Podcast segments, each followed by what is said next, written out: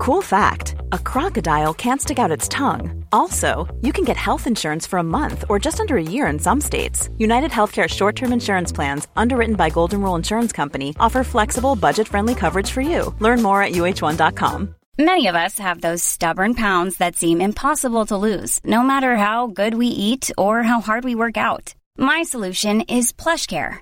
PlushCare is a leading telehealth provider with doctors who are there for you day and night to partner with you in your weight loss journey. They can prescribe FDA-approved weight loss medications like Wagovi and Zepbound for those who qualify. Plus, they accept most insurance plans. To get started, visit plushcare.com slash weight loss. That's plushcare.com slash weight loss. Hallå hallå! Eh, Det är jag som är Eh, snart ska ni få lyssna på Arkivsamtal men först så har jag gjort lite som tradition att berätta vad som händer eh, i mitt liv. Nej men vad, vad ni kan se mig live och liknande. Eh, då är det så här att nästa vecka då så är en hektisk vecka i Skåne. Först så uppträdde jag som stand-up-komiker på Mac den 24 oktober. Eh, Fem, sju minuter, det är lite ett set där. Sen blir det en, eh, en röjig spelning med far och son den 25 oktober i Malmö på Moriskan. Sen blir det en röjig spelning med far och son i Hultsfred på Rookiefestivalen den 26 oktober. Det får ni googla helt enkelt och kolla in på min blogg och sånt. Där står alla länkar. Eh, vi, vi ses och hörs. Nu kommer Arkivsamtal.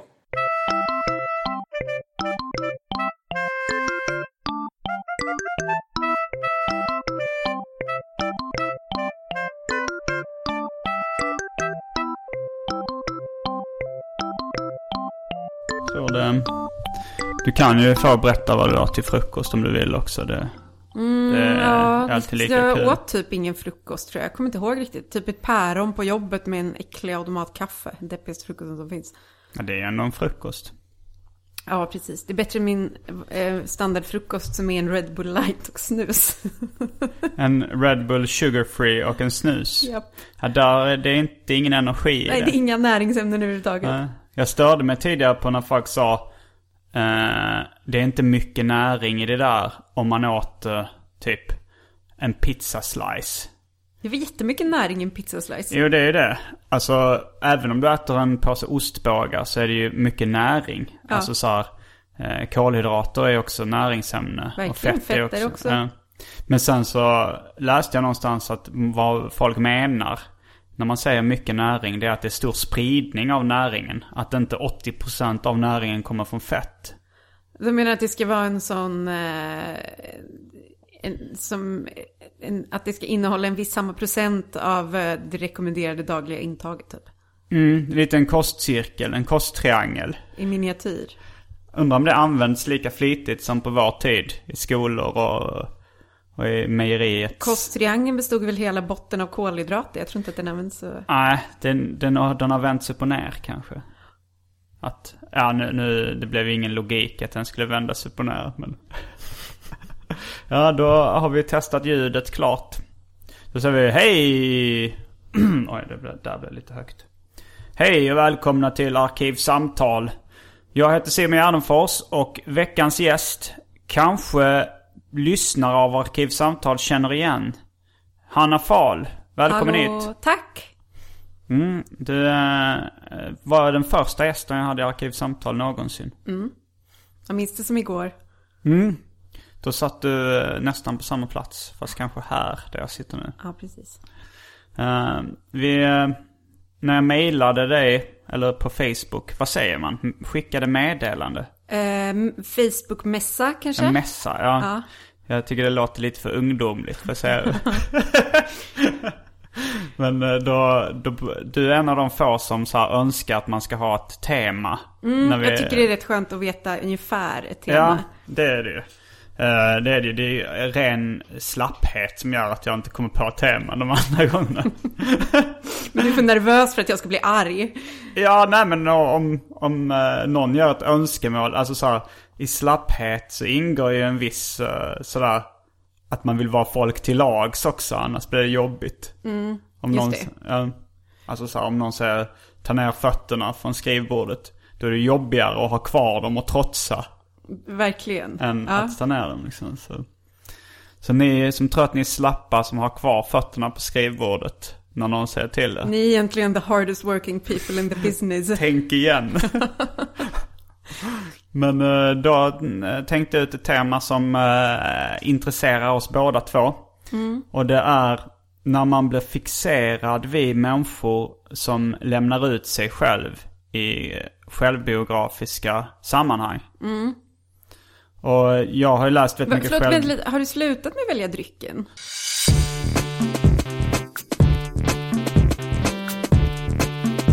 Jag börjar med det fasta inslaget. Välj drycken!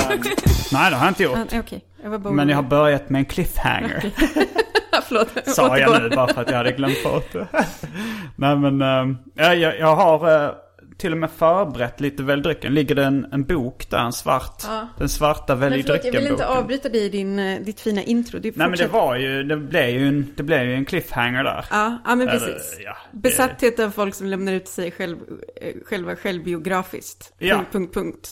Mm, det är kanske mer av en, en innehållsförteckning än en cliffhanger. Eh, nu kommer väl, nu kommer det omåttligt populära inslaget Välj drycken.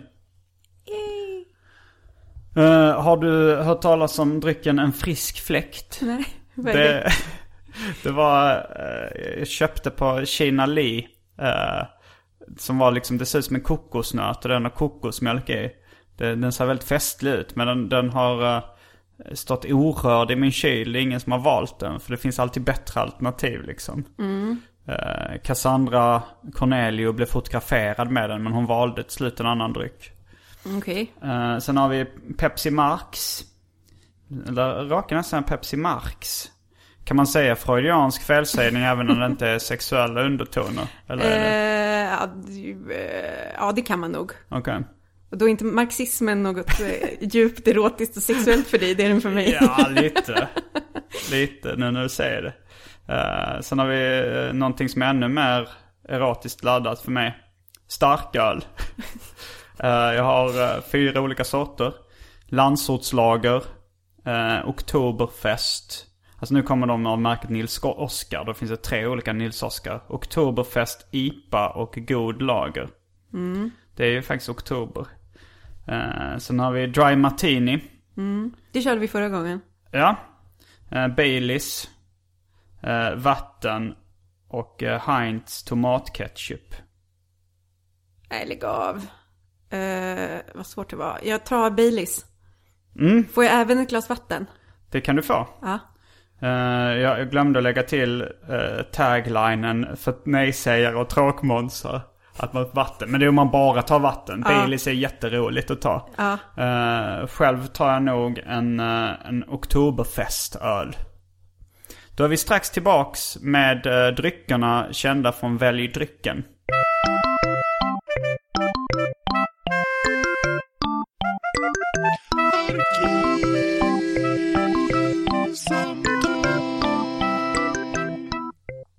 Då är vi tillbaks med dryckerna. Och vi har just konstaterat att, eh, att starta en podcast är nog det lättaste sättet att skaffa en ursäkt för alkoholism. Jag känner också alltid lite en press på mig själv att välja något alk- alkoholhaltigt i väldrycken. För att inte känna mig som en torr person. Nej, man vill, man jag tycker fortfarande vid 35 års ålder så tycker jag det är tufft att dricka alkohol. Åh jag gud, kan hur faktiskt- sorgligt är det här. ja, Men det är jag sant. vet inte. Men det, det känns tufft, jag tycker Ja. det. Nu har ska jag öppna en oktoberfestöl. Och jag har även tagit fram ett grönt ölstop. Jag vet inte vad som flög i mig. Men eh, det... Det känns mysigt på något sätt. Jag har fått ett litet glas här med Baileys. Gud, Mm. det var så länge sedan jag drack Baileys. Ett tag hade jag alltid Baileys hemma. Tycker det är så gott. Ja, det är jävligt gott. Det är den perfekta blandningen mellan godis och sprit. Ja, Och, eh, och, och sen så känner jag mig, kanske inte tuff, men som en dekadent livsnjutare om jag ligger i sängen och smuttar på lite Baileys. Och kollar på någonting på tv eller så. Skål och välkommen. skål. Så, eh, när var första gången du blev fixerad vid en person som eh, höll på med något självbiografiskt uttrycksmedel? Ehm, ja, det beror lite på hur man definierar saken. Liksom Mm. i internets barndom och så, så var jag ju lite fixerad vid vissa privatpersoner som till exempel skrev internetdagbok när jag var stor. Typ så Mm. här på Diaryland och sånt. Ehm, Så det var Och, inga, inga, men var, det var liksom, var det men folk liksom- du kände till Nej, sen innan? men typ främmande människor. Typ Alice som är en av mina absolut bästa vänner nu. Hennes dagbok var jag ju fixerad vid. Mm. Alice Eggers. Ja, precis. Och eh, ja, det fanns lite andra sådana som jag typ stalkade lite på internet och typ läste. Alltså när det fanns skunk så läste ju folk skunkdagböcker.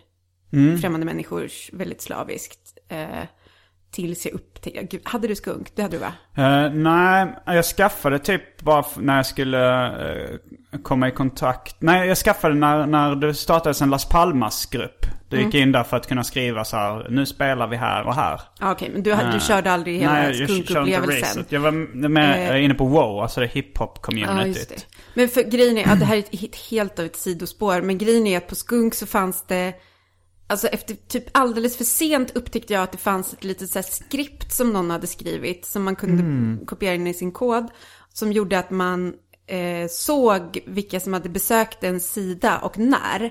Eh, Och när jag upptäckte att det fanns så var det som att liksom jorden öppnade sig och jag föll handlöst kilometer ner i väldigt högt tempo. För att jag hade ju då till exempel internetstalkat så här personer, alltså på fullaste allvar kanske läst dens, kollat dens dagbok efter uppdateringar. 400-500 gånger på en dag. Nej. Men liksom helt de måste, alltså om man ska av typ- räkna ut det, då är det ju... Ja, men du vet, jag hade mycket fritid, satt framför datorn och så man fick, det var inte Nej, så men att man fick nästan var tionde minut eller någonting Ja, då. man fick typ inga notifications när någon skrev någonting. Så det var ju bara att gå in och kolla. Och när jag upptäckte det, jag bara, gud det här är... Var det som med Alice? Eh, nej, men det var, nej, henne kände jag det, när Skunk kom. Det var innan Mm. hon hade en annan bok. Men nej, så det var ju en fruktansvärd upplevelse. Eh, sen lärde jag mig hur man kunde logga ut, radera sina cookies, eh, skriva in dens dagboksadress manuellt i adressfältet och titta på den så såg inte den att man var där så kunde jag fortsätta. Ja. Men nej, men en känd person liksom. Det behöver inte jag vara en känd person. Alltså någon, jag tänker, jag, den första som jag minns, det var kanske Mats Jonsson eller någon som eh, tecknade självbiografiska serier. Eh, som, jag, som jag tror liksom man började tänka på väldigt mycket. Sen Joe Matt också. Och Robert Crumb, liksom så här självbiografiska serietecknare. Det var då jag liksom men de, de blev ju kända för att de var ju inte kända innan liksom. De började uttrycka sig det. självbiografiskt. Ja. Men, eh, och det, det kan, man kan ju verkligen jämföra det med internetdagboken. Det är egentligen bara ett Ja, annat precis. uttrycksform. Eh, ja, nej men det är ju inte egentligen, nej men jag har ju egentligen bara haft en sån stor besatthet i hela mitt liv och det är den som jag har fortfarande.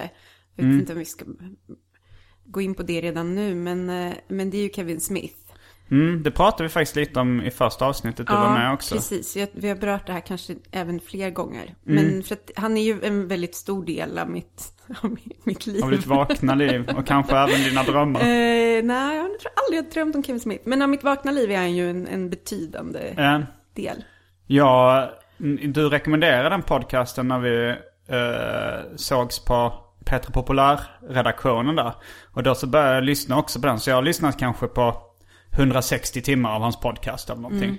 Och det är ju inte fy skam heller. Nej, det är ganska mycket. Eh, Men eh, jag har ju lyssnat på många, många, många gånger fler. Hur många är de uppe i nu? Sen har han ju många podcasts också. Han har ju fem, sex stycken. Ja. Eller det kan man inte ha längre. Precis. Jo, jo, det har Men om vi ska börja från början så var det han, han startade ju en podcast. Vilket år kan det ha varit?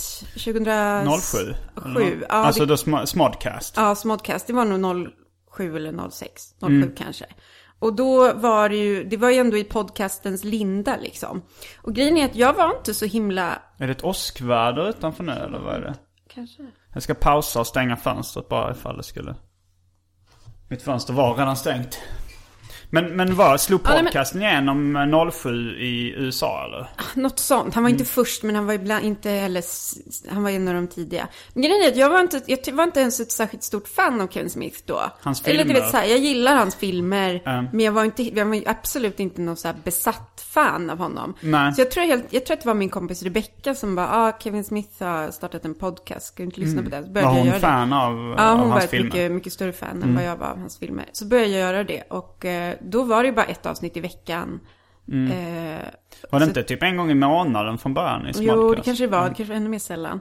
Eh, så då var det ju inte en så stor eh, liksom uppoffring eller tog inte så stor liksom, plats i, i min tillvaro. Men, Men så småningom så började han ju starta fler och fler podcasts eh, med olika vänner.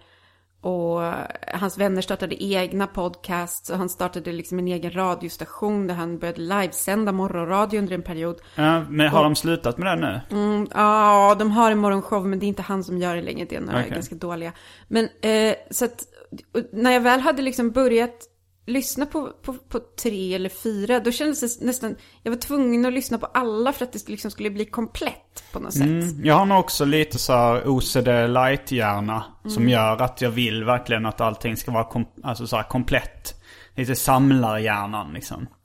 Eh, så, så blev det för mig också. Att jag lyssnade från början och liksom ville hinna ikapp. Och sen, men sen när jag hade hunnit ikapp, då, men det var nog, då hade de gjort kanske 100 avsnitt eller något sånt.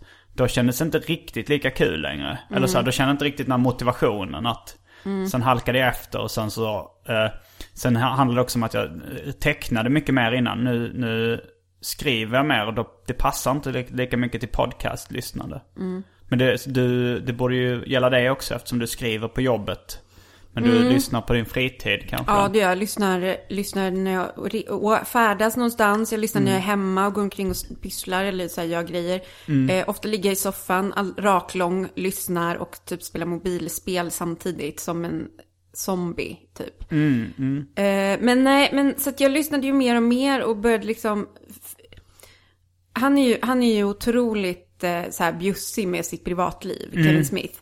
Eh, han berättar ju allt liksom. Han, bjö, han bjussig på sina liksom dåliga sidor och brister och så här. Verkligen. Och berättar allt. Och det blev också som ett så pussel att lägga när man så här, han hade olika podcasts ihop med olika av sina så kompisar. Han hade en med sin fru ett tag och han gjorde något avsnitt med sin mamma. Så det blev som liksom ett så pussel att lägga om hans liv. Där man fick, jag fick liksom en mer och mer komplett bild av Kevin Smith.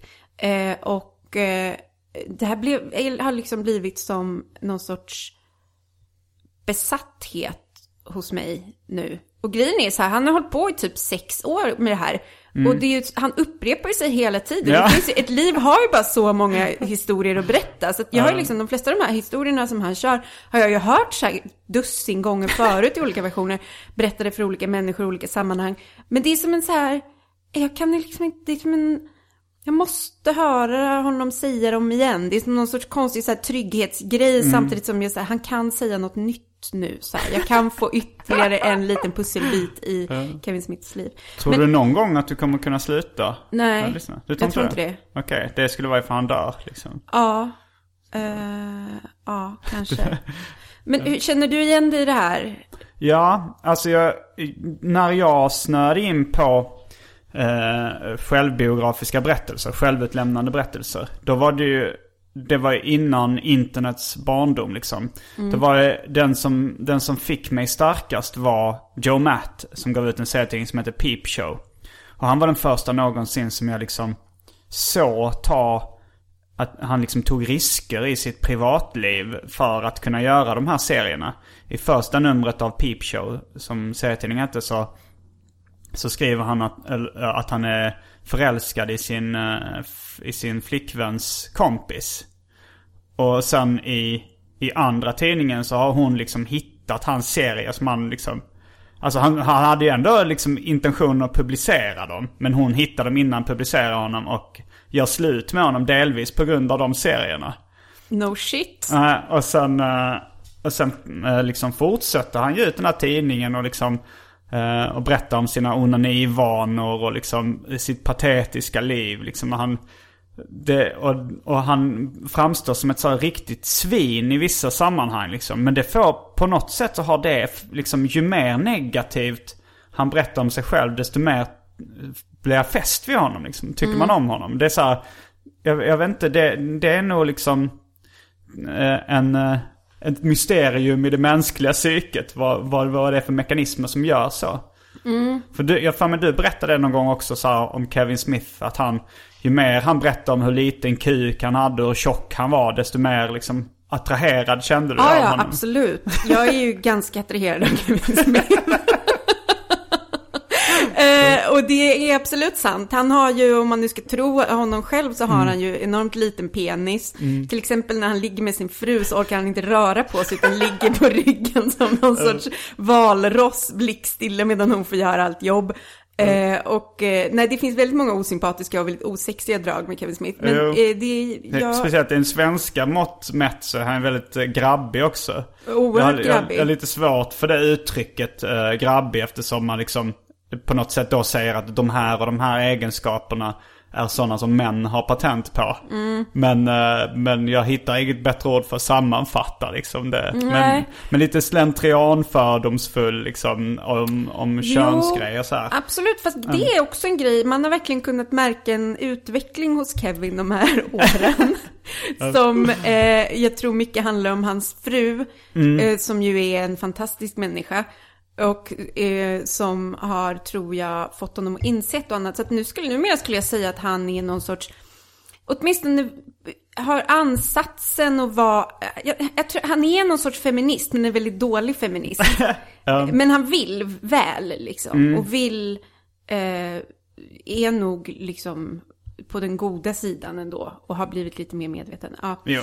Han verkar ändå vara intelligent även om han, alltså det, de grejerna jag har nog mest stört mig på är hans typiska så här, amerikanska kristendom. Som känns som att han liksom inte riktigt eh, lever efter de värderingarna men ändå har den där eh, att han tror på Gud och sådär. Ja, och han vill har ju lite gjort upp med den släppa sin- katolska kyrkan också de senaste åren. Men, mm, jo, men det är sant. Men det, men det spelar liksom inte så stor... Alltså, det här är ju så sjukt. Jag tycker inte om... Jag, jag, han är ju verkligen inte den typen av person jag ser upp till. Eller som har åsikter som jag beundrar. Eller som ens gör konst som jag tycker är särskilt bra. Så att allt det här är bara, det är som något konstigt så här Stock- Stockholmssyndroms grej. Att han typ har så kidnappat min, min själ och nu har jag lärt mig att älska honom. Ja, nej men så är det ju också. Men på något sätt så, ju fler negativa sidor som tas upp så blir man ju också, får man ju mänskligare bild. Alltså så här, om det är någon som, ifall det är någon, eh, alla har ju dåliga sidor liksom. Men om man fokuserar bara på de positiva sidorna då blir, då blir bilden aldrig speciellt mänsklig eller varm. Nej. Jag tror det är det som gör att man, Alltså Joe Matt är ju, han till och med i ett liksom bråk med sin flickvän ger henne en blåtira liksom. Och skriver om det. Uff. Och det, och det är liksom, skulle jag sett som ganska oförlåtligt om det skulle hänt i min bekantskapskrets. Och sådär. Eh, men, men på något sätt så liksom, alla jag känner som har läst det eh, blir liksom fästa vid Joe Matt. Och det, det är ju säkert delvis på grund av att han lämnar ut sina negativa sidor och liksom vågar berätta de smutsigaste detaljerna. Men hur sann tror du att han är då? Förlåt, jag måste bara hämta en snus också. Men hur sann tror du att han är i sin, eh, liksom, bilda sig själv? Ja, alltså han har avslöjat någon gång att han... Eh, alltså han har någon gång så... Eh, när han avslutade den här första sviten eh, av... Det var typ 6-7 nummer av The Poor Bastard hette den. Så den samlades i en bok som hette The Poor Bastard. Som var jag tror de sex första numren av Peep Show. Um, då avslöjade han att han hade hittat på slutet. Men att allt annat var sant. Och slutet är, eller han, han blev dumpad av sin flickvän och sen, eh, sen började han brevväxla med sin, sin kanske så här high school, sin första flickvän från high school. Som har blivit så här gammal och ganska sunkig. Och gillar, eh, gillar att ha så här eh, gruppsex och liknande. Och sen slutar det med en, så här, en ganska tragisk scen eh, där han har en trekant med henne och hennes rumskompis. Alltså allihopa är väl i 40-årsåldern då eller någonting. Och, eh, och det så avslöjade han sen att det här det var påhittat. Han fick erbjudandet att, om att ha liksom en trekant med henne. Eh, men han, han, gjorde, han utförde aldrig det i verkligheten. Men han tyckte så här, det här blir en perfekt så här, tragisk slutscen. Blir du besviken då om när han säger så då?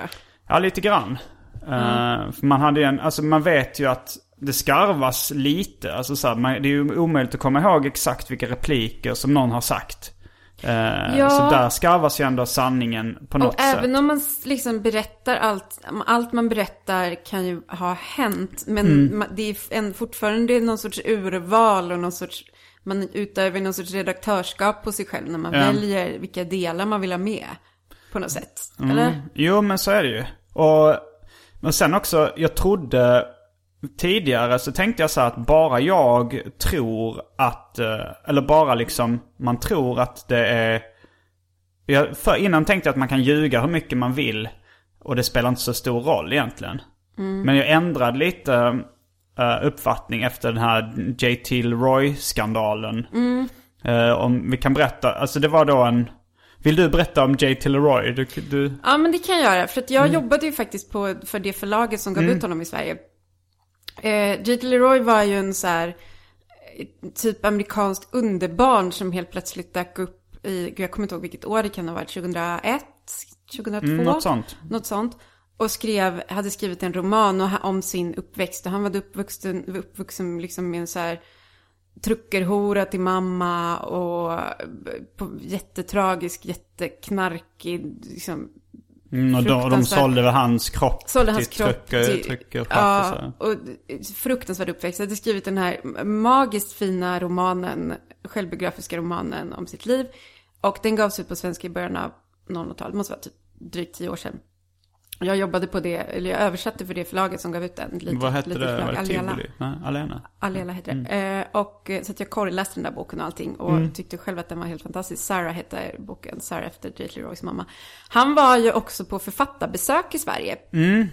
Och skulle framträda, läsa ur sin bok på, jag tror att det var på Kägelbanan, på något event. Och, och eh, hans kompis band spelade och han satt där och liksom under någon stor kofta och typ darrade av nervositet på rösten och eh, med stora solglasögon. Och ganska kort efter det så uppdagades det att det inte ens var, alltså allting var liksom påhitt. Den personen som hade varit där och suttit och högläst på Kägelbanan och darrat under en filt var i själva verket en, en kvinna Eh, den som hade skrivit böckerna eh, var också med på, på den här författarbesöket som någon sorts liksom manager eller hjälpreda eller sådär.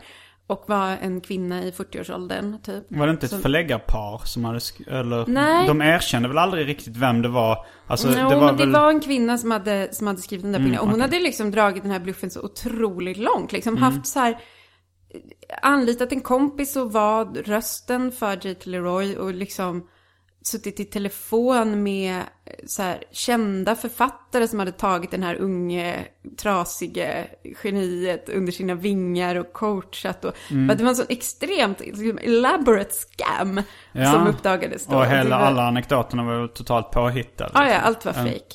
Eh, allt. Nej men då inser jag, för jag, jag själv, alltså när jag gav ut min första självbiografiska serieroman Turist. Då hade jag hittat på en del grejer i den. Och jag hävdade, det var, det var liksom små grejer som jag hade hittat på, bara anekdoter liksom. Eh, och då hävdade jag så här, men det spelar ju ingen roll liksom ifall det är sant eller inte liksom. Det är väl läsupplevelsen som är det viktigaste.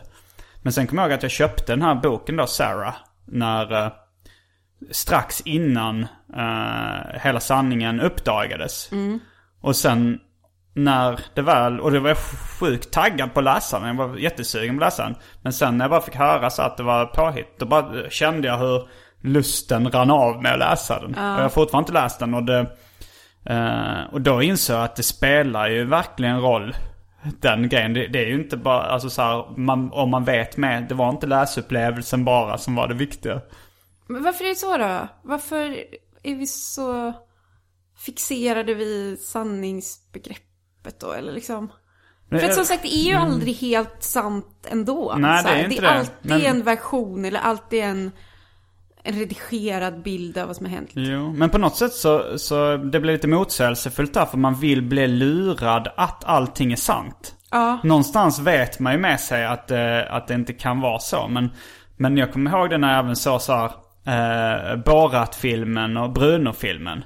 Ja. Då, så, och då är liksom, där utger det sig för att vara rätt mycket dolda kameran och liksom att han interagerar med totala främlingar. Men efter ett tag så, om man tittar på dem så är det väldigt, väldigt uppenbart att mycket är stageat där. Om inte kanske allting.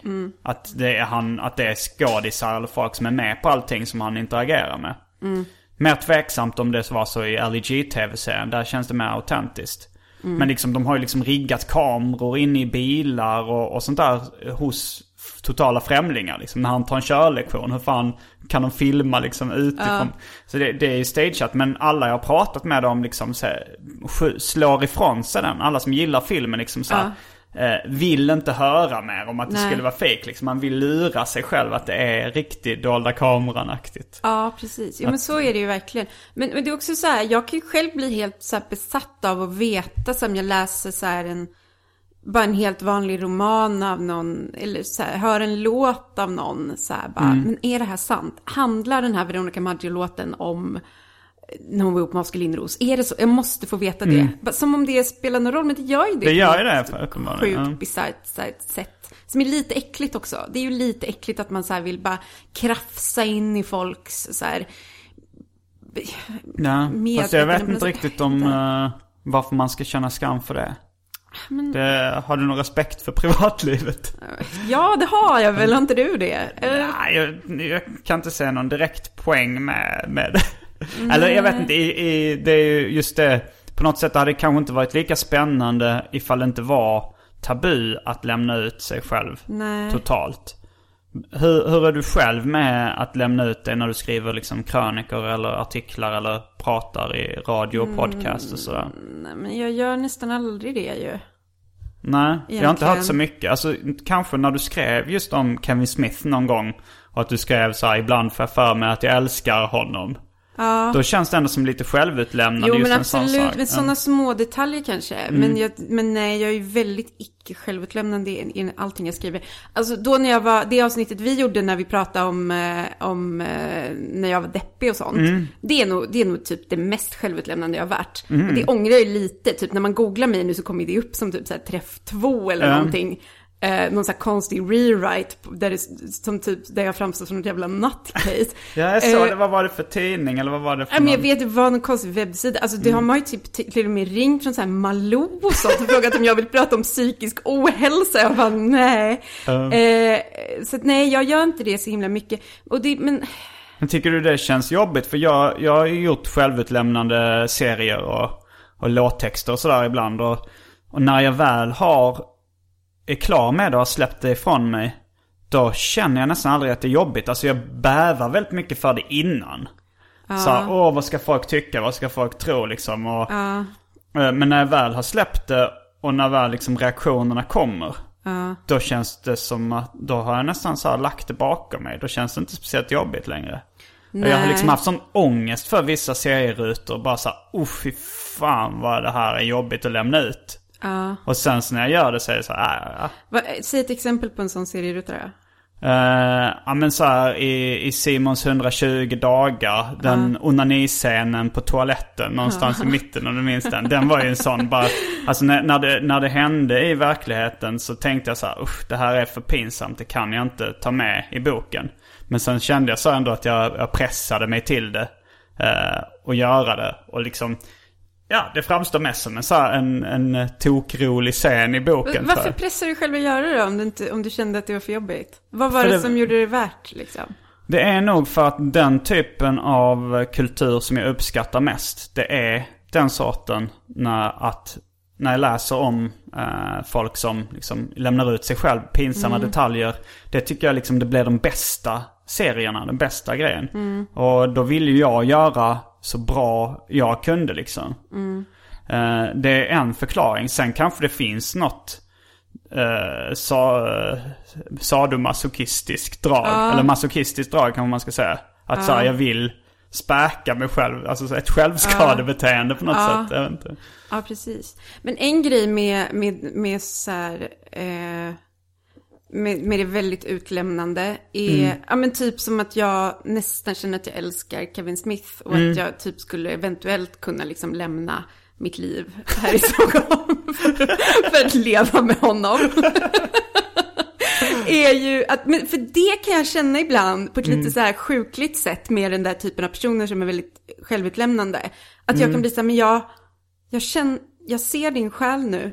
Jag älskar dig. Jag måste få vara med dig nu. Och då, det spelar liksom ingen, de kan vara så här sunkiga, och egentligen inte särskilt sympatiska och ingen jag hade, hade så här gillat om jag träffade den i verkligheten. Men just det här att det blir så här en illusion av intimitet på något sätt som är så här, Ja, men jag känner, jag vet ju mer om Kevin Smith än om någon annan människa i världen. Ja, förmodligen. Alltså, det, det är väldigt få som man har lyssnat på 300 timmar Alltså samtal. 300 är ju inte ens i närheten av hur mycket jag har lyssnat. Jag lyssnar ju nu, just nu på, jag räknade på mellan 8 och 10 olika podcasts som på något sätt berör hans liv. Oj, jävlar. Vissa av dem är hans kompisars podcasts. Eh, I veckan. Och eh, det är ju åtminstone 10, säg att det är 10 timmar i veckan. Och jag har gjort det här i åratal nu. Eh, Oj, ja. Så att det är... Men det är just det där att så här, man typ, just den där känslan av att så här, bara jag ser din själ nu. Mm. Som jag bara, okej, men nu älskar jag dig. Ja, men det är, det är jävligt intressant faktiskt. Och jag tänkte på det en grej med att det just, jag tror podcast och tecknade serier och kanske så här internetdagböcker är det formatet som, som eh, är det enda som funkar nästan. För att det får, det får inte finnas några liksom finansiärer eller budget, eh, Nej. budgetpersoner inblandade. Det är väldigt svårt. Alltså i tv-format så blir det svårare. Alltså kanske så här eh, Lina Dunham eh, har väl kommit det känns som lite självutlämnande men inte alls på Lite, samma sätt. Nej, inte alls på samma sätt. Och, Och det även, räcker nästan att det är så här, man vet att det är så här omtagningar, kameravinklar och någon som sätter ljus för att det ska kännas så inte lika...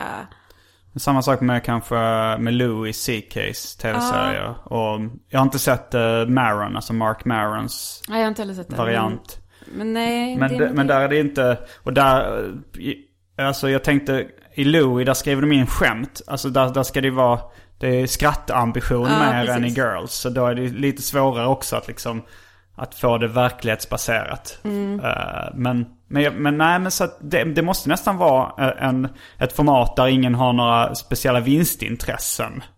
Tror jag. För att annars så, så eh, skulle nog någon sätta käppar i hjulet för att så här, du kan inte sitta och prata om, om dina onanivanor i en halvtimme. Nej, precis. Men, Mm. men du känner inte igen det här att du blir liksom lite så här förälskad i dem där? Eller Jo, menar, det kan ju absolut. vara på ett platoniskt sätt också. Jo, det, det har ju, alltså, jo men det kan jag känna. Att så här, jag, att jag, att jag så här, tänk, alltså att det blir som en förälskelse för jag tänker så mycket på den personen liksom.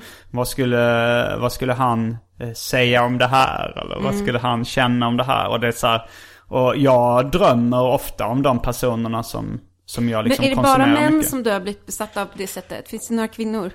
Jag har aldrig blivit besatt. Alltså så här, jag har ju läst mycket självbiografiska serier av till exempel Åsa Grönvall eller Julie Doucet.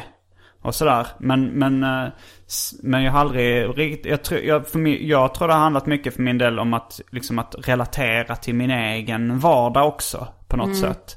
Eh, men sen är det, det är inte riktigt lika vanligt heller med, med självutlämnande, alltså självbiografi eh, där en kvinna är i huvudrollen. Vad jag har upptäckt. Nej, jag, jag, jag, har hittat exempel på det liksom men, men, eh, men det, för, det kom ju, alltså jag vet inte när det började allting men det första jag upptäckte var nog Harvey Pekar, han som Ja, gjorde tidningen. American. Splendor. Men, men det har ju funnits memoarer och sånt eh, Ja, ja, sedan ja. 1800-talet. Eh, Men Ja. jag hörde, det var alltså så här, Strindberg har ju varit känd för att han var tidig med det. Alltså, det var ju inte, han, hans huvudroll i, i böckerna och sånt hette inte August Strindberg. han hette Johan eller någonting. Men det var rätt uppenbart att det var baserat på hans eget liv. Att det var liksom som självbiografiska texter fast han bytte ut namnen. Och eh, när jag var på någon sån här seriemässa i USA och snackade med någon sån här alternativserieförlag så då var de så ah Sweden, ah Strindberg, yeah, wrote my uh, essay on that och bla bla bla. Att han liksom är en förgrundsgestalt inom att lämna ut sig själv på något sätt. Men har du märkt att folk liksom tycker att de känner dig eller blir så här kära i dig för att de har läst dina serier? Eh, kanske, ja men låttexter, alltså hela, allt jag gör nästan är ju självbiografiskt. Alltså, så här, alltså det är inte allting, vissa låttexter är så uppenbart att det inte är självbiografiskt och vissa serier också. Men jag har märkt det kanske speciellt efter Simons 120 dagar när liksom jag visade upp så mycket dåliga sidor av mig själv. Så blev det ironiskt nog mer liksom kärleksbrev och liknande. Ja. Eh, Men grejen är också, tycker du att, tycker du att om man så här, ser man konsumerar hela din produktion av eh, konst eller vad man ska säga. Mm. Får man en sann bild av dig då? nej, Nej, för det tycker inte jag heller. nej. Du är mycket trevligare i verkligheten. Jo. ja, men Eh, liksom, Men det är frågan ifall, men det är så här, nu tror du att du har en sann bild av Kevin Smith. Ja, men han precis. kanske är helt han är, annorlunda han, förmodligen är ju det. Ja. Ja, men, och så är det ju säkert med alla liksom. Jo, för jag tror ju- jag tänker så här, men Kevin måste ju vara samma som han är i Men podcasten. förmodligen inte. Jag menar alla Nej, man nej. som man känner som är så här, man, man, man, man har läst någonting självbiografiskt av någon och sen träffar den så det är ganska sällan det så stämmer en, Ja. en så bild i huvudet med den man träffar. Jag träffade liksom till slut Joe Matt efter 15 års fanboyskap i Los Angeles. Han var nog ganska lik som jag liksom föreställde mig honom. Uh, alltså han, det kändes som inte han hade skarvat på sin liksom beskrivning av sin personlighet. Så här. Han var så extremt snål och liksom och konstig på vissa sätt. Liksom. Alltså så här, det, den livsstilen han har valt att, att leva så billigt som möjligt. Och, eh, han, kanske inte, han var inte lika liksom frispråkig. Eller han ville i alla fall liksom, vi satt på, på ett café och snackade där hans eh, flickvän jobbade. Han hade träffat henne på det kaféet dessutom. Eh, men då så, när han, då ville han liksom inte prata om för självutlämnande grejer där. Eh, när jag intervjuade honom. Då ville han gå en annanstans och sen kunde han berätta helt öppet och frispråkigt. Men han ville inte att hon och hennes kompisar, liksom hennes arbetskamrater skulle höra. Eh, Även om de sen har ju tillgång till eh, hans serietidningar. Som han liksom publicerar. Ja. Men, eh, men han sa att det är, inte, det är inte alla som han har varit ihop med som är så intresserade av att läsa det. Nej. Men jag intervjuade Martin Kellerman i somras. Eh, Jag lä- läste den. uh, Ja. mig. Och då... Jag vet inte, jag ska inte spekulera i någon så motiv till att göra det de gör eller så här. Men jag fick någon sorts känsla av att det finns åtminstone ett litet, litet drag av så här tvångsmässighet i det här att så här, man måste redovisa allt man gör. Man måste så här, det händer någon skit, man måste, något tvångsmässigt att man Ja. måste skriva om det. Känner, för det känns nästan som att du måste ha med den där runkscenen i din bok. Känns också nästan så här tvångsmässigt att bara, men Jo. nu, det måste vara, jag måste ha med det här för annars är jag inte så här sann mot, men men nästan något så här OCD-igt drag Jo, lite. också. Sen har jag också, jag har jämfört det några gånger med den, den katolska bikten. Mm. Att om man går, om en, en katolsk person går och berättar sina synder liksom för det där, det har jag mest sett på tv, det har liksom det lilla båset med ett nät. Mm. Så blir man fri från synden efteråt liksom. Och på samma sätt känner jag med, med självbiografisk eh, produktion. Mm. Att när jag då har berättat om den här grejen som jag skäms för. Mm. Då känner jag mig fri från skuld. Men får, blir det aldrig några konsekvenser då? Jo. Jag menar, det måste ju vara folk som har blivit förbannade någon gång. Ja absolut. Alltså det... det...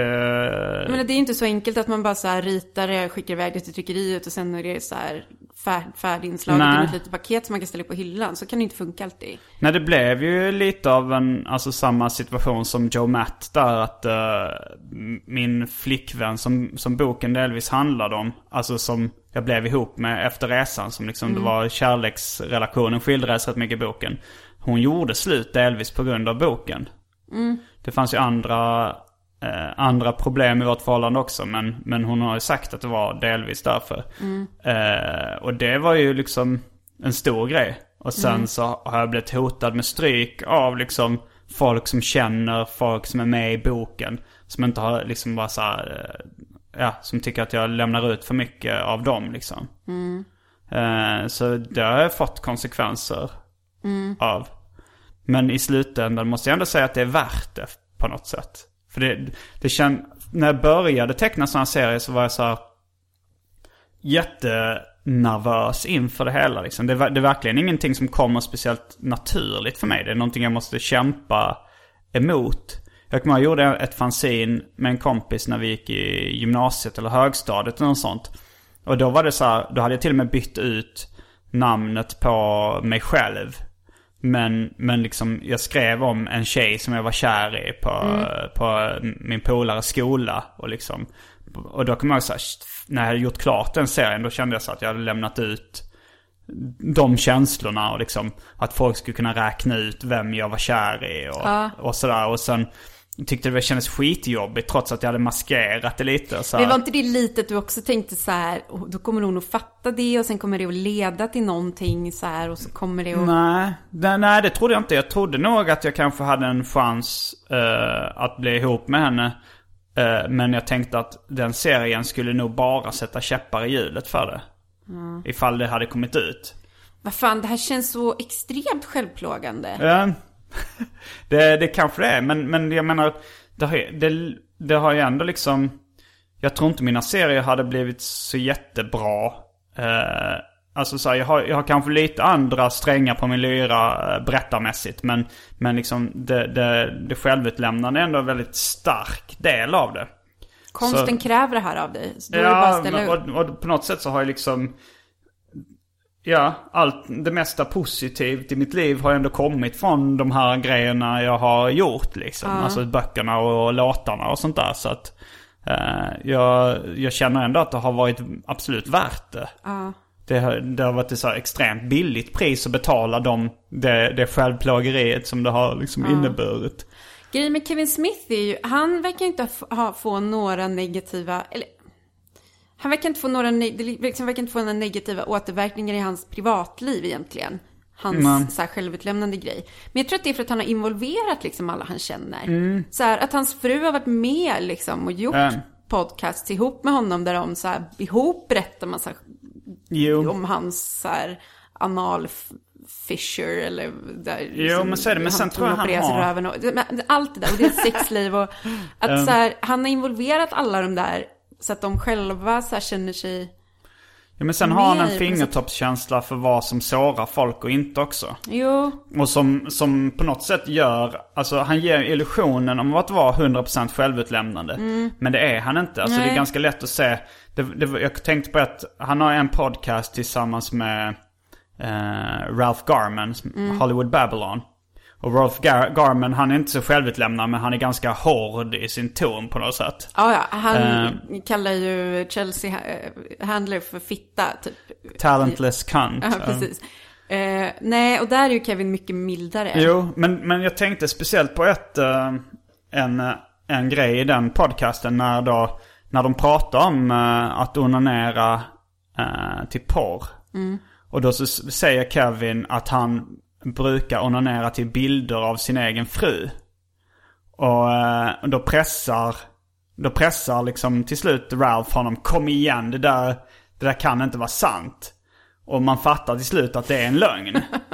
Eh, Att han gör det för han liksom han, han har säkert sagt det till sin fru liksom för att hon inte ska bli arg på honom när han pratar om onani så här. Men, men, men eh, är de fle- om man liksom de flesta förstår nog när man liksom tänker att det är nog inte sant. Och man hör på ha- hans liksom argumentation till slut att det inte är sant heller. Och han tar aldrig upp det mer sen i den Nej. podcasten överhuvudtaget liksom.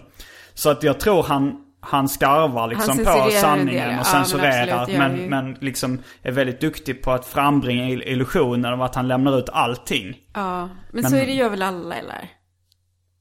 Eller? Ja, nej, alltså så här, Joe Matt är ju smutsigare på det sättet. Att han bara kör rakt in i väggen och blir dumpad på grund av liksom Ja, sina grejer. Och, och, men man märker ju ändå att Kevin han sårar ingen annan direkt. nej. Det, han vet Nej, ju lite kanske. Jag tycker han, han kan vara lite taskig mot uh, uh, Malcolm Ingram. Hans tjocka beerbug-kompis. ja, det kan han vara. Han kan vara ganska taskig mot Jason Mewes också. Han kan Ja, vara någon korkad typ var 50 minut. Eh, Men på något sätt så är han, ja men det, är liksom en sådär, en dålig mänsklig sida hos honom också. Man kan säga att han, han har lite så här auktoritetstänkande. Att Mm. folk som är beroende av honom och inte har något att sätta emot är han lite taskigare mot. ja, så är det absolut. Eh, Det är också osympatiskt, men jag ingenting, jag älskar honom ändå. Ja. Känner du liksom, är, är, gud, jag vill säga Matt Smith hela tiden, men det är ju han som spelar Dr. Who. Eh, Joe Matt. Joe Matt, är han din så här, just det här som du säger så här, men han bara, han kör rakt in i väggen. Är, det någon, är, är det liksom din förebild? Är det så du vill göra? Eh, jag vet inte riktigt. Eh, nu, just nu, där är en, är, liksom, nu när jag, den här podcasten, den är inte riktigt lika självutlämnande som mina tecknade serier. Nej. För det är en annan grej när man ger ut en bok om året eller varannat år. Ja, Än en gång i veckan. ja, Eh, men han har ju varit en stor förebild. Alltså jag tappar ju hakan av det han gjorde. Liksom. Och eh, samma sak ganska mycket med Mats Jonsson i Sverige. ja. Som gjorde en liknande grej. Eh, men, men sen man måste ju hela tiden avväga vad som är värt det. det jag, jag, jag har gjort det flera gånger men det är inte så pass tvångsmässigt att jag måste, måste hela tiden lämna ut mig själv. Eh, Sen finns ju aspekten hur mycket vill man lämna ut av sig själv. Där har jag inte jättemycket spärrar längre. De har jag jobbat bort de flesta. Men sen hur mycket vill man lämna ut av andra? Alltså där är ju den svåra frågan kanske. Ja, Och eh, det är ju skitsvårt. Det är ju som, man måste ju så här, man, det, man måste ju lämna några lik efter sig på vägen om man ska göra den där grejen känns det som. Det går liksom inte att, nej. och, Har du läst uh, Knausgård? nej jag har faktiskt inte gjort det. Nej, jag, jag håller på att läsa den första nu men jag har aldrig blivit så här... Jag tycker nog han är lite för pretentiös. Alltså så här, jag har ju mycket lättare att tycka om någon som Kevin Smith som har en sån slapp skräpkultur-inställning än liksom någon som eh, med höga litterära ambitioner och liksom ett finkulturkapital. Ja, Det, Ja, så att jag har inte riktigt orkat ta mig igenom det. För det är för, för pretto helt enkelt. Men, men, men visst, det finns ju liksom grejer i det som jag tycker är bra. Men, det, men jag har inte, jag har inte, vissa, jag läste på baksidestexten så stod det så här. När jag läser de sista sidorna så, så, alltså det var någon som recenserades liksom, så faller alla betänkligheter jag hade innan. Det kanske blir så när jag läst klart den första volymen att då bara tycker man nu är jag fast. vad fan är det för revolutionerande han ska komma med på de sista Nej, jag har ingen sidorna? aning. Nej, det är kanske bara är en invändningsgrej. Det tar ju ett tag att, att börja... Det tar ändå en liten invändning att börja gilla någon... Nej, nu... nu Jo, jag men- i och för sig Joe Matt. När han var i 24 sidor den första serietidningen och sen eh, var ju de flesta fast liksom. Ja, nej men Kevin Smith kräver ju absolut invändning. Det är ju omöjligt att säga att tipsa någon om att börja lyssna på hans Mm. podcasts nu. Det går ju inte, de är inte ens något bra. De är jättejobbiga och jätteupprepande och han är bara jättestenad hela tiden. Det är ju, alltså, de är ju bara bra för att jag har ägnat sex år av mitt liv åt det här. Jo, känner du att du Och- får skämmas för Kevin Smith om du skulle rekommendera det? Ehm, ja, det skulle jag nog göra. Jag vill inte riktigt rekommendera det för att jag, jag orkar liksom inte ha en diskussion med någon om att han är dålig. För Nej. att det är inte ens relevant huruvida han är bra eller dålig. Men, men den första sån fixeringen jag fick, det var inte via... Det var inte någon som lä- utlämnade sig självbiografiskt, men det var med katten Nisse. Ja, just När jag det. var åtta år. Men då blev det ju också så att jag tyckte inte det var bra. Men jag hade bara så bestämt mig för att älska Att du katten skulle Nisse. ha någon, en serie som du gillade. Ja. Och, det, och där, där, där blev det också, någon gång kom, så, så när jag märkte att typ de skämtteckningarna publicerades eh, online varje dag från liksom syndikatets hemsida. Då gick jag in där varje dag under en period och läste dem och det var aldrig kul. Men det blev ungefär som du beskriver liksom som en, en snuttefilt. Att man liksom, en trygghetsgrej man varje Ja. dag går in. Men sen till slut så drabbades jag nog av någon sån här, vad fan håller jag på med? Känsla. Ja. Varför jag in och den här skittråkiga skämtteckningen varje dag? Som jag inte tycker är rolig för fem öre. Och eh, sen bara slutade jag. Och, och, och liksom jag är fortfarande fixerad vid katten Nisse. Men jag läser inte skämtteckningen varje vardag. Nej. Nej, jag känner mer, med Kevin är det ju mer så, jag inser att det här är ett inte helt normalt beteende av mig att vara så här besatt av det. Särskilt eftersom jag inte tycker att det är särskilt bra. Alltså jag tänker nästan varje gång jag lyssnar att jag inte tycker att det här är något bra. Men jag har någon sorts känsla av så här att det här kommer att... Det kommer att ta slut en dag. Han kommer dö av en hjärtinfarkt snart. Då kommer jag ångra att jag inte var honom trogen till slut. Åh gud, det här är så psycho. Uh, att jag inte var honom trogen till slutet. Gud, jag, jag vet inte riktigt vad det här är ens. Men jag... Ja, Men har, har, du pratat med, har du pratat med någon professionell om det? Jag tycker verkligen inte det verkar Ja. som ett problem som du lider speciellt Nej, mycket det av. är det inte, men det låter ju helt sinnessjukt när man pratar om Nej, jag har faktiskt aldrig tagit upp det här med min terapeut. Jag undrar om jag borde göra det. Det hade nog varit rätt... eh, Det, det, hade varit intressant en att se vad hon sa i alla fall. tycker jag. Där du tar upp en lite... Kör det på engelska så hade du nu kunnat få in den på Smodcast Network. Åh, men vet du, förresten, jag fick en snilleblixt. Eller Mm. jag tyckte att det var en snilleblixt för typ ett par veckor sedan. Um. Eh, och det här är lite relaterat till ämnet. Jag vaknade mitt i natten och kunde inte somna om. Och sen så slog det mig, jag bara, det här är den mest genialiska idén jag någonsin Mm. har kommit på. Eh, och idén var att jag skulle eh, ha, skaffa en profil på en dating-sajt Eh, och gå på tio dates med snubbar. Och så skulle varje dejt vara en podcast. Att jag liksom skulle, jag, att jag skulle säga det. till det i, förväg naturligtvis, inte smygspela in, det hade ju varit skittaskigt. Men att man skulle liksom spela in den här första dejten och sen Mm. bara sända den som en podcast. Ja, det är skitbra Jag tyckte att det var en briljant idé. Men sen har jag tänkt mer på det för att det, problemet med det här är ju vilken typ av personer som skulle nappa på det här. Och det skulle ju bara vara narcissister eller kompletta psychos. Men jag vet inte, du tycker att det är en bra idé alltså? Det är en skitbra idé. Och, det, och liksom kompletta psychos hade ju blivit väldigt intressanta. Och, eh, och narcissister, det, det är vi väl allihopa. Jo, absolut. Eh, och Fast tanken med det här är att jag skulle det ju- träffa någon som jag gillade kanske. Jo, men det tror jag ändå det finns en chans till. Det är en, eh, det är en grym idé. En annan podcast i det hade ju varit ifall du då eh, hittar en psykolog som kan prata engelska och är beredd att ställa upp gratis. Och sen så pratar ni om din fixering vid Kevin Smith. Och sen, säljer, eller sen skickar in det till, eh, Till hans, eh, internetradiostation. Net Network. Det hade du gud, det hade varit var- en sån jävla succé. Absolut. Och du hade berättat ärligt om den fixeringen och så hade en psykolog fått liksom Guida ställa mig frågor. igenom det här. Kanske, kanske någon sorts KBT-terapeut som har kunnat ge mig uppgifter. Idag ska du inte tänka på Kevin på tre timmar. Ja. ja. Och båda de idéerna är ju, är ju väldigt... Och då, då hade du ju liksom till och med kunnat eh, komma i kontakt. Jag vet inte om det ens är en ambition eller vilja du har. För mig att träffa Kevin, Mm. jag har tänkt mycket på det här. Det skulle inte vara omöjligt. Alltså, det skulle ju bara vara... eh, Jag skulle bara kunna åka dit och göra någon sorts reportage om honom. Ja.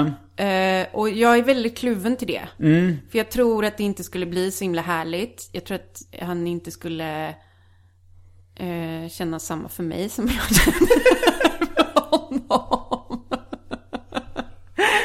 eh, men och... Eh, Han har ju själv den fixeringen till Wayne Gretzky. ja, precis. och han, och han säger det att han inte han vill, vill ju träffa. inte själv träffa Nej. Wayne. Det, det Eh, finns en klassisk såhär, don't meet your heroes. Absolut gör ju det. Och, men samtidigt kanske det vore bra för mig att möta Kevin på riktigt. Och liksom kanske, ta bort ja, får hela se den här vad din psykolog fixeringen. säger. Ja, ja vi får se. Eh, men ja, egentligen, jag, jag, jag, jag älskar ju hans fru också. Det är inte som att jag vill splittra deras äktenskap. Hans Jag kan fru tänka mig att det är ett kluven känsla. Eller så. Eh, nej men jag skulle vilja kanske vara... De hade en assistent ett tag som hette Megan. Mm. Som de båda tyckte väldigt mycket om, Kevin och hans fru. Och som bodde tror jag till och med med dem ett tag. Eh, jag skulle vilja vara hon.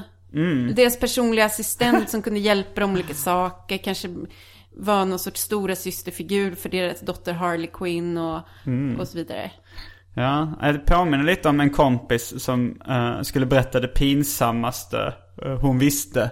Det var det när hon var liten och var kär i Orup. Då, Och jag då är också kär i Orup. Förlåt. Mm. Då, eh, men då ville hon inte liksom, i hennes fantasier så, var, vill, så blev hon inte ihop med Orup. Utan hon blev ihop med den lilla killen som var med i videon till Mercedes-Benz. Fast de liksom åk, hon var ihop med den killen som var kompis med Orup i videon. Ja. Och sen liksom fick de åka i hans bil där bak och hon kallade honom för Orre. Hon var liksom Orre med Orup. Så ah, ska vi, ska vi ringa? Smeknamn på smeknamnet. Ja, ska vi ringa Orre? Så, så liksom, det var hennes fantasi. Och det var det, fy fan vad det pinsammaste. Hon, hon liksom är röd i ansiktet och fnittrar fram hela den här historien. Speciellt när man kommer till att hon kallar honom Orre i sin fantasi. Gud vad gulligt. Eh, ja men ja, så känner jag också lite. Jag vill vara nära honom men kanske inte Mm. riktigt ihop med honom. Jag är faktiskt, eh, jag vet inte om jag kan säga att jag har träffat Kevin Smith. Men jag och Agro när vi Just var... det, ni var ju på en av hans pods. Ja, vi var på, eh, när de var i San Diego så hade de under Comic Con där som podcast. Så var vi på Hollywood Babylon och... eh, När de körde serietidningshögläsningen eller? Nej? Ja, det, och, det- alltså först var vi på Hollywood Babylon och sen var vi på eh, Jay and Silent Bob Get Old. Ja. Fast då var vi tvungna att, att gå för att vi skulle med en buss. Alltså det var mitt i natten så vi skulle med nattbussen. Och då så var det, och då så liksom, när vi gick, det var, det var inte jättestor lokal. Det var liksom, det var kanske 100, eh, 80 pers i lokalen eller någonting. Och när vi gick då liksom så var man tvungen att gå förbi dem, eh, Jason Mewes och Kevin Smith, när vi gick ut. Och då så var det så här, då började de säga så här, vad fan ska ni gå nu? Tycker ni det är tråkigt eller någonting? Och då sa nej, nej vi måste med en buss och liksom, eller jag, jag kommer inte ihåg jag Det sa då något. du gav honom Ja, då gav jag som Jag har plåster hört på det här såren. avsnittet. Ja, såklart. Ja. ja, det, det, det, jag tror jag missat det faktiskt. ja, men det, ja, det finns. Så ge, gav jag då en, eh, en eh, min Simons 120 dagar på engelska, The 120 Days of Simon. Så gav jag den till, eh, jag tror Jason Mewes var den som greppade den. Och så började han läsa lite högt ur den. Eh, Och så sa han, ja men det här, nu ska det bli det här resten av podcast när de sitter och läser högt. Den här. Ja, det här finns i ett avsnitt, men jag undrar om Mm. de har klippt ner det lite, för att jag minns inte att de började läsa högt. Nej men han läste bara några sekunder. Ah, och sen okej. sa Ja. han jag ska läsa högt. Men det var ju ett skämt då liksom.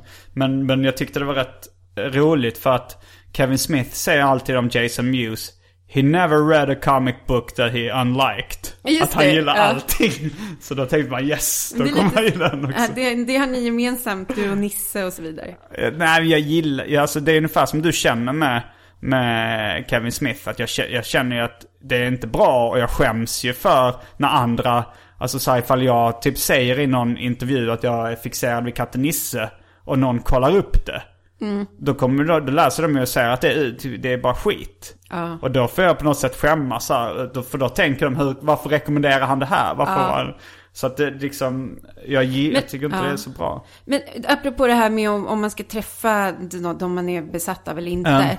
Har du någonsin så här upplevt att någon har träffat dig och du har känt att den har blivit väldigt besviken? Ja, det har jag, det har jag känt. Alltså så här, det har till och med liksom, när jag googlat mitt eget namn. Så har jag liksom, eh, så här, någon som skrev, nej men han var inte alls rolig. Jag blev fruktansvärt besviken. Men vad är det de är besvikna på då tror du? Är det att du är liksom inte, nej, inte men- kul eller inte? Ja, det var, ja, det var, första gången det var det, eh, då fattade inte jag heller att det var någon som hade varit liksom så här ett stort fan. Det var, det var ett par tror jag som liksom, eh, och de var bekanta med Frej Larsson. Och så, hade, så kom han, eh, så tog han, så bara satt jag vid något tält på Arvika eller vad det var. Och så kom han med, med en kille och en tjej.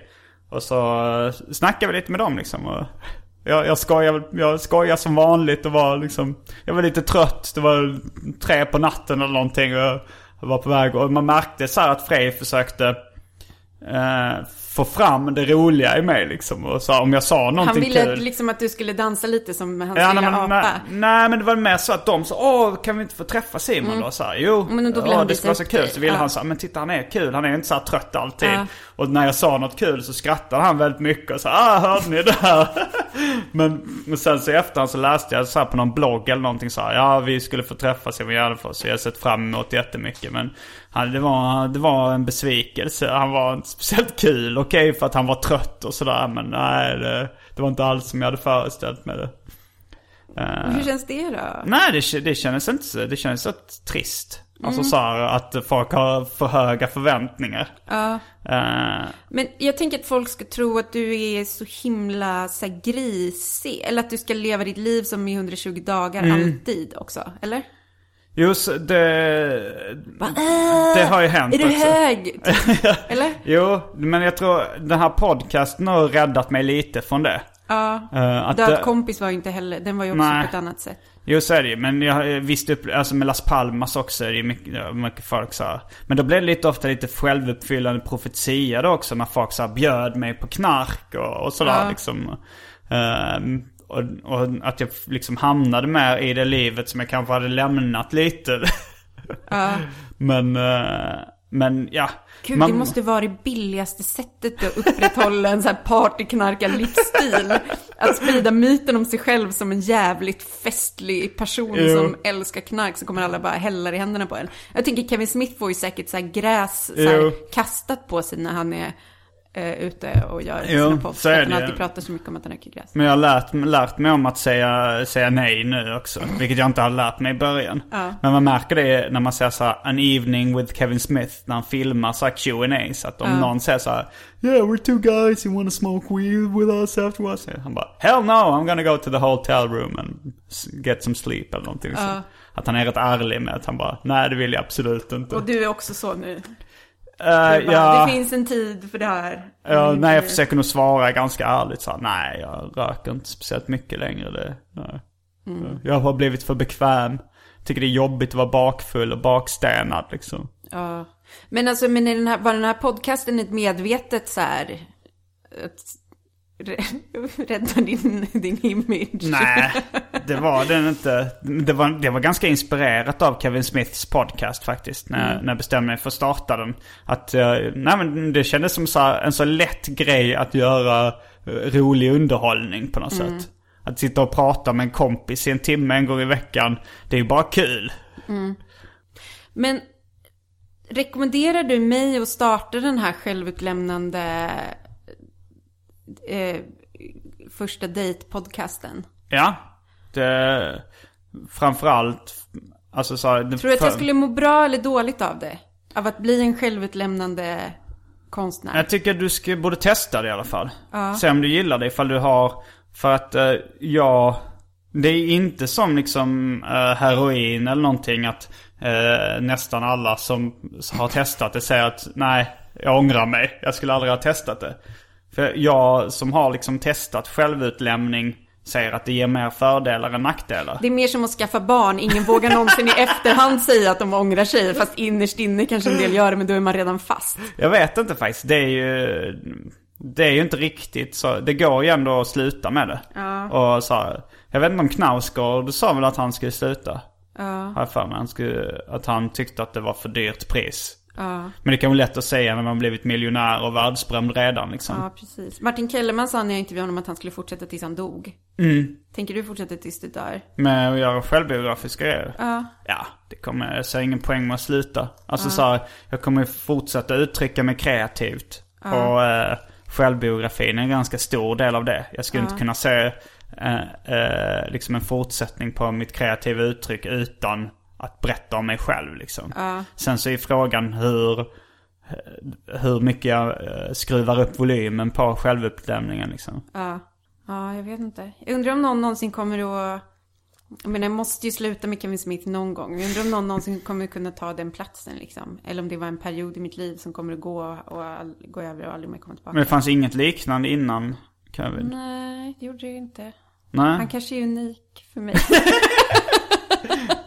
Det är rätt roligt. Men ja, det, det, det, det är svårt att säga liksom. Ja. För, det, för det är ju samtidigt så här, det är ju inte din eh, drömperson. Nej, gud nej. Eh, Men, men du måste nog ändå hitta den här perfekta balansen. Om det hade varit en så här idealperson, då hade det kanske blivit tråkigt. Ja. Om man varit perfekt liksom. Att det måste nog vara en, en lagom nivå av smuts och, Ja, och fel. Ja. Och med de orden så säger vi tack och adjö från veckans arkivsamtal. Jag heter Simon Gärdenfors. Hanna Fahl. Fullbordat samtal.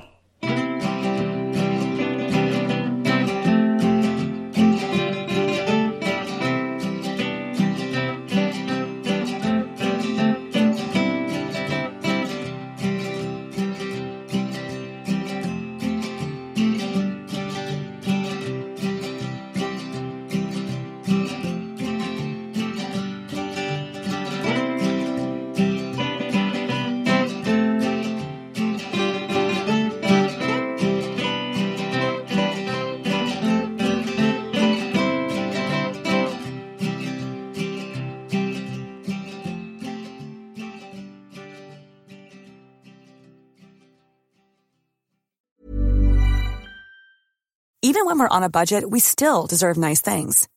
Quince is a place to scoop up stunning high-end goods for 50 to 80% less than similar brands.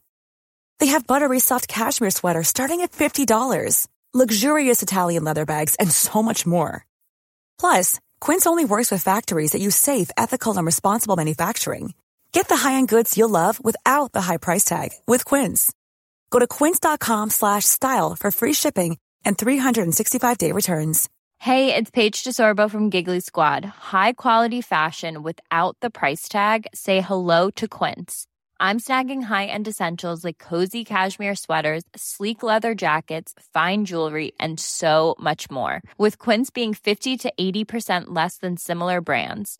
And they partner with factories that prioritize safe, ethical, and responsible manufacturing. I love that. Luxury quality within reach. Go to quince.com slash style to get free shipping and 365 day returns on your next order. Quince.com slash style.